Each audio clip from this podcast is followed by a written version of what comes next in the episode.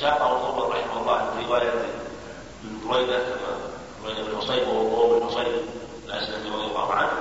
وساق سنده عن المقابل ولم يسب لفظه والله أعلم. نعم.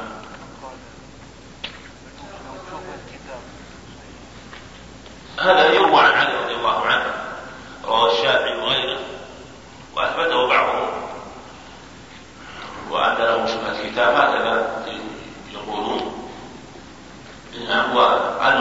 لا شك أنه أنه يؤخذ تؤخذ من الجزية ما في إشكال تؤخذ منهم الجزية لكن لا تنكح نساؤهم ولا تنكر ذبائحهم هذا محل إجماع إلى ما خالف فيه أبو ثور رحمه الله في هذه المسألة ولأجل هذا أنكر عليه رحمه الله. بل شدد عليه ودعا عليه.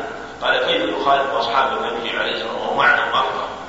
فالمجوس تؤخذ منهم الجزية ولهذا قال عبد الرحمن بن عوف أنه أخذ منه أنه أخذ جزية من مجوس هجر وجاء معناه في البخاري عن شعبة أيضا.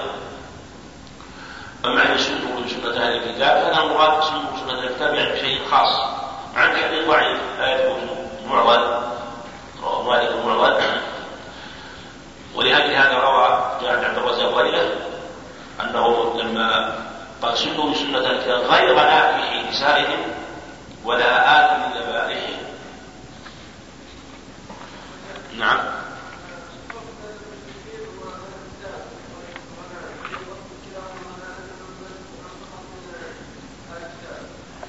الجزء هذه في خلاف ما تعرفون في خلاف كثير من العلم اما اما البر والاوبه فاهل الكتاب أهل الكتاب عندهم شرك لكن شرك مقيد ولهذا ميز الله أهل المسلمين الكتاب في ايات كثيره كقوله تعالى ان الذين كفروا من الكتاب والمشركين اما هم عندهم شرك ولهذا قال عمر ليس يعني ليس شرك اعظم ان تقول ان ربها عيسى ان ربها عيسى وان هذا من اعظم الشرك لكن لكن المراد ان اصل دينهم ان اصل دينهم التوحيد والايمان هذا هذا هو اصل دينهم ودخل عليهم الشرك بخلاف غيره من عبده الاوثان وعبده النيران وعبده السلبان وعبده عبده الاوثان وعبده النيران فانه ليس اصل دينهم التوحيد ليس اصل دينهم التوحيد إلا ما قيل من المسلم عندهم شبهة كتاب وما أشبه الله فلأجل هذا قالوا إنهم عندهم آه، إن أصل التوحيد ودخل عليهم الشرك ولأجل أن المشركين بهذا الوصف وأن شركهم وأن كفرهم أعظم وأشد من قال إنها تؤخذ قال في هذه العلة والمسألة فيها خلاف كما قلنا ابن القيم رحمه الله البحث أول الأدلة في هذا كثيرة ومعلومة في معلومة ما نريد أن نطيل بذكرها ومن قال إنها تؤخذ احتج بهذا الحديث احتج بهذا الحديث وأن في عموم المشركين. وقال إن آية الجزية التي نزلت وإن كان أبو عليه السلام يأخذ المشركين لكن لأن الجزية ما نزلت في العام تسع سنة في عام تبوك وقد أسلم عامة المشركين. ودخل اليهود واليهود واليهود قد عاهدهم عليه الصلاة والسلام. شيء لأنه قد عاهدهم قبل ذلك ثم أخذ جزية من من كان موجودا من أهل الكتاب في ذلك الوقت. باب ما جاء في الإقسام على الله. المعنى باب ما جاء في الإقسام على الله من التشديد وأن ذلك ينافي كمال التوحيد الواجب لأنه ينافي الأدب والإجلال لله سبحانه وتعالى فكان لأجل ذلك محرما. وذكر المصنف رحمه الله الحديث الدال على هذا المعنى وذلك أن الإقسام على الله إذا كان على هذه الجهة وعلى هذا الوصف فإنه لا يجوز. والإقسام مصدر أقسم يقسم إقساما إذا حلف فإذا حلف حلف وأقسم عليه سبحانه وتعالى باليمين قال أقسمت على ربي أو قال والله لا يغفر الله لفلان أو قال والله لا يرزق الله فلانا أو قال والله لا ينزل الله خيرا أو لا يدفع شيئا أو شيء أو شيئا من الأمور التي يقسم بها العبد فإنها التي يقسم بها على الله سبحانه وتعالى فإن هذا لا يجوز وهو محرم بأنه ينافي الأدب معه سبحانه وتعالى وذلك أن الواجب هو الخضوع والاستكانة له سبحانه وتعالى. لا الإدلال عليه فالإدلال يكون بين المخلوقين أنفسهم والحلف بعضهم على بعض فيحلف الرجل على صديقه ويحلف الرجل على زوجته وعلى ابنه وعلى أصحابه وما أشبه ذلك أما الإقسام على الله فإن هذا لا يجوز. ولما كان الأصل فيه عدم الجواز بأوب المصنف رحمه الله وسكت آه، آه، عن الترجمة في في بقول بأن بوب قال باب ما جاء في الإقسام على الله ولم يذكر جوابها. إشارة إلى التشديد في هذا أو إلى أن ينظر في الإقسام على الله فإنه إن كان على هذا الوصف المذكور فإنه محرم. وقد يكون جائزا لكن في حال خاصة قد يكون جائزا لكن في حال خاصة بأناس مخصوصين في حال خاصة بأناس مخصوصين.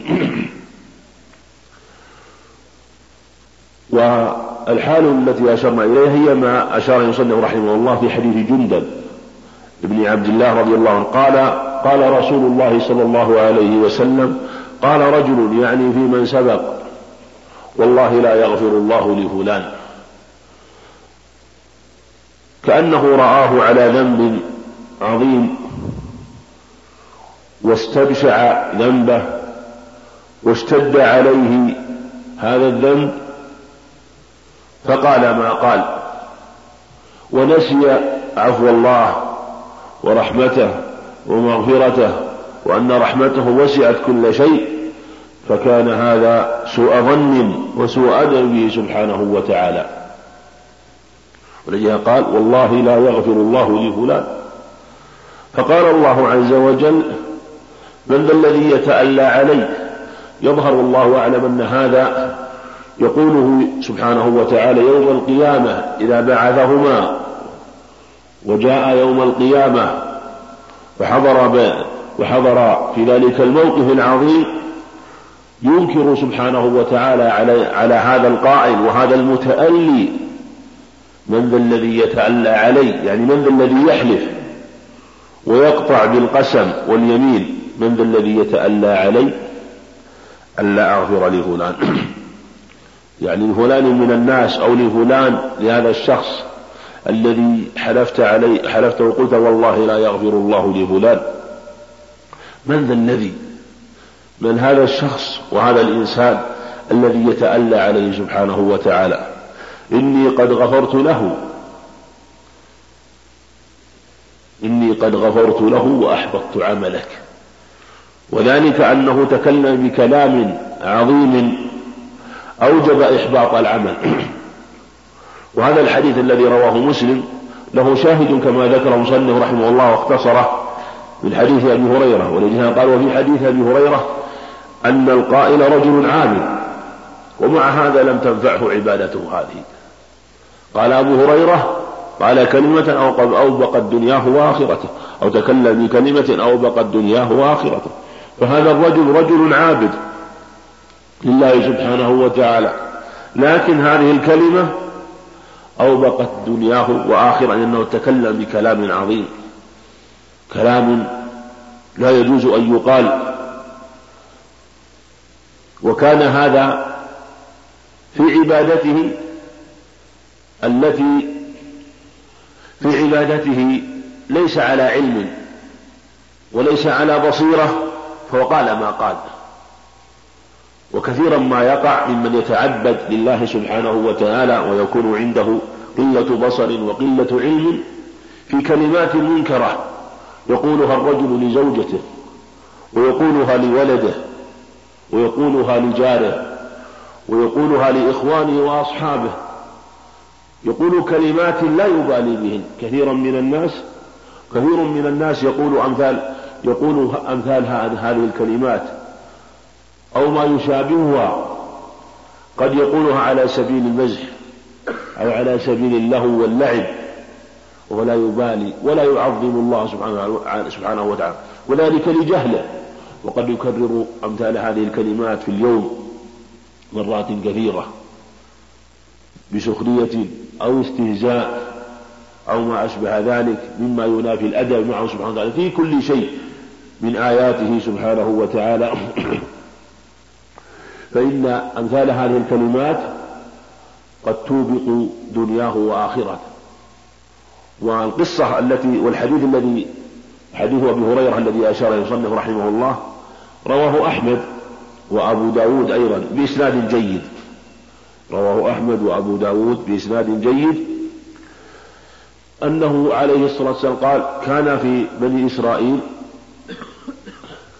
أو ذكر أن بني إسرائيل رجلا عابدا أو ذكر رجلين متواخيين أو قال أخوين متواخيين وكان أحدهما مجتهد في العبادة وكان أحدهما مجتهد في العبادة والآخر مقصر وكان يذنب أو يقع في بعض الذنوب فكان ذلك الرجل العابد يقول له أقصر عما أنت فيه وابتعد عما أنت فيه وينهاه عما هو فيه. فقال أبعثت علي رقيبا؟ أبعثت علي حسيبا؟ فرآه يوما من الأيام على على ذنب عظيم. فقال والله لا يغفر الله لك. والذي يظهر الله أن الذي في حديث جندب هو المذكور في حديث أبي هريرة. والله لا يغفر الله لك. قال خلني وربي. ذلك الرجل كأنه على تقصيره لديه من العلم والفهم ما ليس لهذا الرجل العابد. ولهذا نجا بعلمه وذلك هلك بجهله.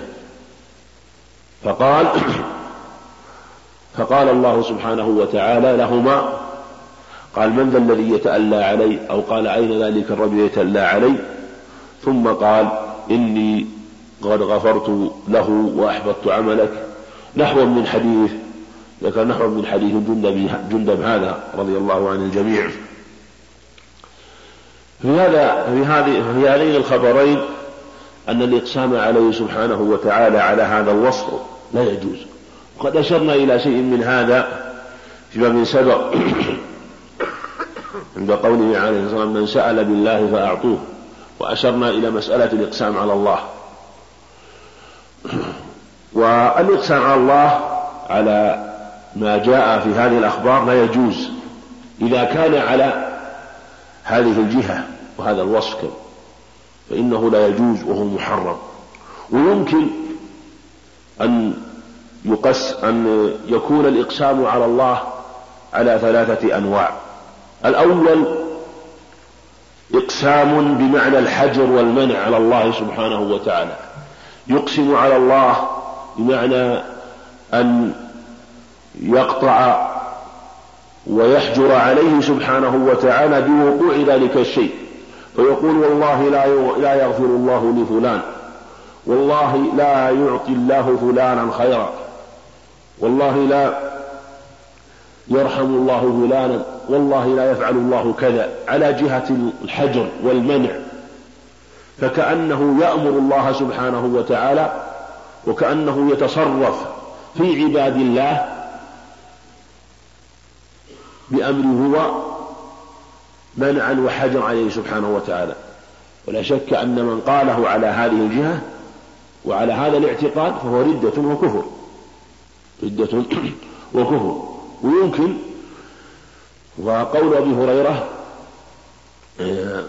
ولا ولا ولا ولا, ولا وما جاء عن أبي هريرة قال اوبقت دنياه وآخرته يدخل في هذا الصنف. يدخل فيه هذا الصنف. لأنه إذا عمل هذا حبطت حبط إذا حبط عمله حبط عمله إلا أن يتوب. هذا محل الخلاف هل إذا تاب أو هل هل حبوط العمل بمجرد الردة أو بالموت عليها محل خلاف. فالمقصود هذا النوع الأول. هذا النوع الأول. النوع الثاني من الإقسام على الله أن يقسم على الله من باب الإعجاب والفخر بنفسه. يرى نفسه عابدا ويرى نفسه مجتهدا في العبادة ويرى لنفسه آه، ويرى أنه أهل لمثل هذا الأمر. فيقسم على الله بأشياء ويحلف على الله بأشياء والله يفعل الله كذا والله ينزل الله كذا والله يقع كذا والله لا يفعل الله لا يفعل الله كذا. على سبيل الإعجاب والفخر. لا على سبيل القطع بذلك لكن هو يظن أن الله سبحانه وتعالى يصدقه ويوقع ما أقسم به لأنه أهل لذلك عجبا وفخرا بنفسه. عجبا وفخرا بنفسه وبعبادته. فإن هذا أمر لا فإن هذا محرم. هذا محرم وعليه آه، حديث جندب هذا وحديث أبي هريرة في ذلك الرجل الذي قال مثل هذا إعجابا بنفسه واستحقارا بغيره من عباد الله ممن وقع في الذنوب فهذا الرجل لأجل غروره ولأجل احتقاره لغيره وانخداعه بعبادته قال مثل هذا. قال مثل هذا. فهذا النوع محرم ولا يجوز. النوع الثالث من الإقسام إذا قاله من باب حسن الظن بالله سبحانه وتعالى وحسن الرجاء فيه سبحانه وتعالى مع ذم نفسه واحتقاره لنفسه لكنه يقسم عليه سبحانه وتعالى من باب حسن الظن في محل حاجته إلى مثل هذا إذا نزلت به بلية أو مصيبة أو احتاج إلى مثل هذا إلى مثل الإقسام فيقسم عليه سبحانه وتعالى حسن ظن بالله سبحانه وتعالى وأن الله ينصر عباده وأن الله يجيبه في محل الشدائد والكرب فلأجل هذا قد يقسم ويعلم أنه ليس أهلا لمثل هذا وأن الله سبحانه هو هو المالك وهو المتصرف لكن قاله من باب حسن الظن وحسن الرجاء بأن الله يفعل ذلك لا على سبيل الفخر والظن ولا والعجب ولا على سبيل القطع بل هو مع ذلك يذم نفسه ويحتقرها وأن الله لو لم يوقع ما أقسم عليه فإنه على ما هو عليه بل لا يزداد إلا عبادة وطاعة وذما لنفسه واحتقارا لها. فهذا النوع الثالث من الإقسام هو الذي جاءت فيه الأخبار في الإقسام على الله في بعض الأحوال. وهو الذي جاءت فيه الأخبار في الإقسام على الله في مثل قوله عليه الصلاة والسلام ألا أخبركم بأهل الجنة؟ كل ضعيف متضعف أو متضعف على روايتين. كل ضعيف متضعف لو أقسم على الله لأبره وفي لفظ وهذا حديث البخاري وفي لفظ عند الترمذي رب أشعث أغبر مدفوع بالأبواب لو أقسم على الله على الله لبره. في لفظ أشعث أغبر ذي طمرين لو أقسم على الله لبره. وذكر أن منهم البراء أن منهم البراء بن مالك. فهذا آه، هو من الصنف الثالث الذين يقسمون على الله. ومنه أيضا ما جاء في حديث في حديث أنس مالك في الصحيحين أن الربيع أن أخت الربيع بن النضر أو أن الربيع أخت النضر كسرت ثنية جارية. كسرت ثنية جارية. فقال قالوا لأهل الجارية خذوا الدية. فأبوا إلا القصاص. فقال أنس بن النضر أتكسر ثنية الربيع؟ والله لا تكسر ثنيتها.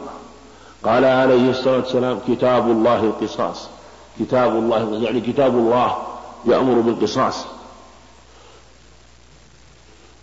فعند ذلك عفى القوم وسمحوا ورضوا ورضوا بالعرش بالدية. فقال عليه الصلاة والسلام إن من عباد الله من لو أقسم على الله لا أبره ولأجل هذا قاله قاله أنس بن النضر على سبيل حسن الظن بالله سبحانه وتعالى وأن الله سبحانه وتعالى يلهم أولئك القوم العفو ويلهمهم الصفح ويقبل بالدية ويعفو عن الربيع. وفي الفعل وقع ما ظنه رضي الله عنه ولجه قال إن من عباد الله من لو أقسم على الله لا أبر يعني لا أبر قسمه. فهذا هو الإقسام الجائز لكن لا يكون إلا لأناس مخصوصين. والذي يتتبع الأخبار يظهر له أن هذا الإقسام لا يكون إلا في أحوال خاصة. ليس في كل حال إنما في أحوال خاصة إما في حال شدة من ظلم أو ما أشبه ذلك في حال الجهاد. مثلا إذا اشتد أعداء الله أقسم على الله في ذلك الموطن ولأجل هذا قالوا للبراء أقسم على ربك. أقسم على ربك. ولا يمكن لإنسان أن يدعيه وأن يقوله. ولهذا الصحابة رضي الله عنهم في ذلك الموقف على جلالتهم وعلى فضلهم لم يدعي أحد منهم ذلك المنصب ولم يقدم على مثل هذا أن يقسم. بل قالوا كأن كأن البراء كأن كأنه فهموا أنه خاص بالبراء ولأجل هذا قالوا له أقسم يا براء لما علموا من الحديث الوارد فيه عنه, عنه عليه الصلاة والسلام أنه قال منهم البراء ابن مالك. فهذا هو آه، ما أشار يصنف رحمه الله. ومما يتعلق بالبحث في هذا الإقسام على الله بالذوات بذوات الأنبياء الصالحين والإقسام على الله بتربة فلان والإقسام على الله بالشيخ فلان بالولي فلان هذا كله محرم ولا يجوز. إذا كان القسم بهم محرما فكيف الإقسام بهم على الله؟ فالإقسام على الله يقول أقسم عليك مثلا بالولي فلان أو بتربة فلان أو بالشيخ الفلاني أو بالولي الفلاني إن هذا أمر محرم ولا يجوز.